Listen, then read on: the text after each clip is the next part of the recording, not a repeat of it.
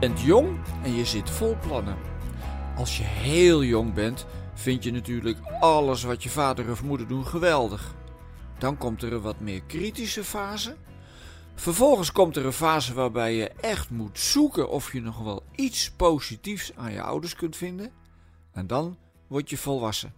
Je gaat je eigen plannen ontwikkelen, je eigen idealen nastreven. En dat doe je dan met jouw gaven en talenten. Ik weet nog dat een van mijn kleinkinderen op een gegeven moment het plan had opgevat om voetballer te worden bij Barcelona.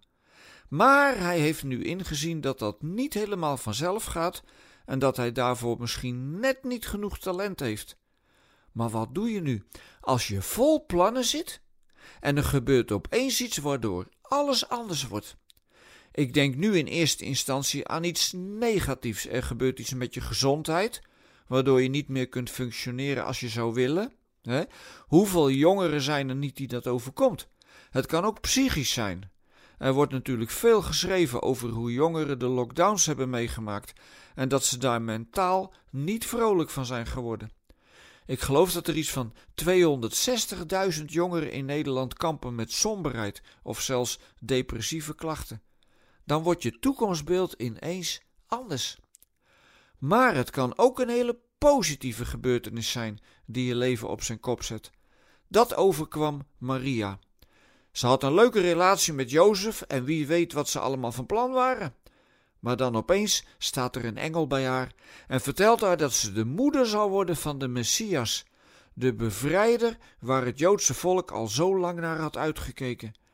Er wordt niet echt verteld dat ze mocht kiezen, maar ze zegt wel: Laat er maar met mij gebeuren wat u hebt gezegd, want ik wil de Heer dienen. Maria werd dus geroepen tot iets anders. En er zijn de geschiedenis door steeds weer mensen geweest die ook geroepen werden door God om iets anders te gaan doen dan waar ze mee bezig waren. Bijvoorbeeld Franciscus van Assisi, die in plaats van een carrièrejager opeens een bedelmonnik werd. En in de Bijbel wordt ons nog verteld van Saulus, die de christenen vervolgde en dan opeens zelf door God in zijn kraag wordt gepakt.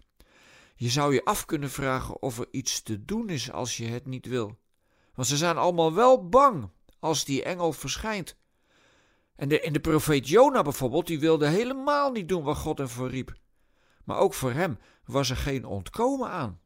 Als God je in je kraag grijpt omdat er iets met je van plan is, doet hij dat ook niet om jou een plezier te doen, maar omdat hij het nodig vindt dat jij die bepaalde taak gaat doen. En waarom hij dat nodig vindt, dat zijn zijn zaken waar wij niets over te zeggen hebben. Maar wie door God geroepen wordt, wordt altijd geroepen om te werken in zijn koninkrijk.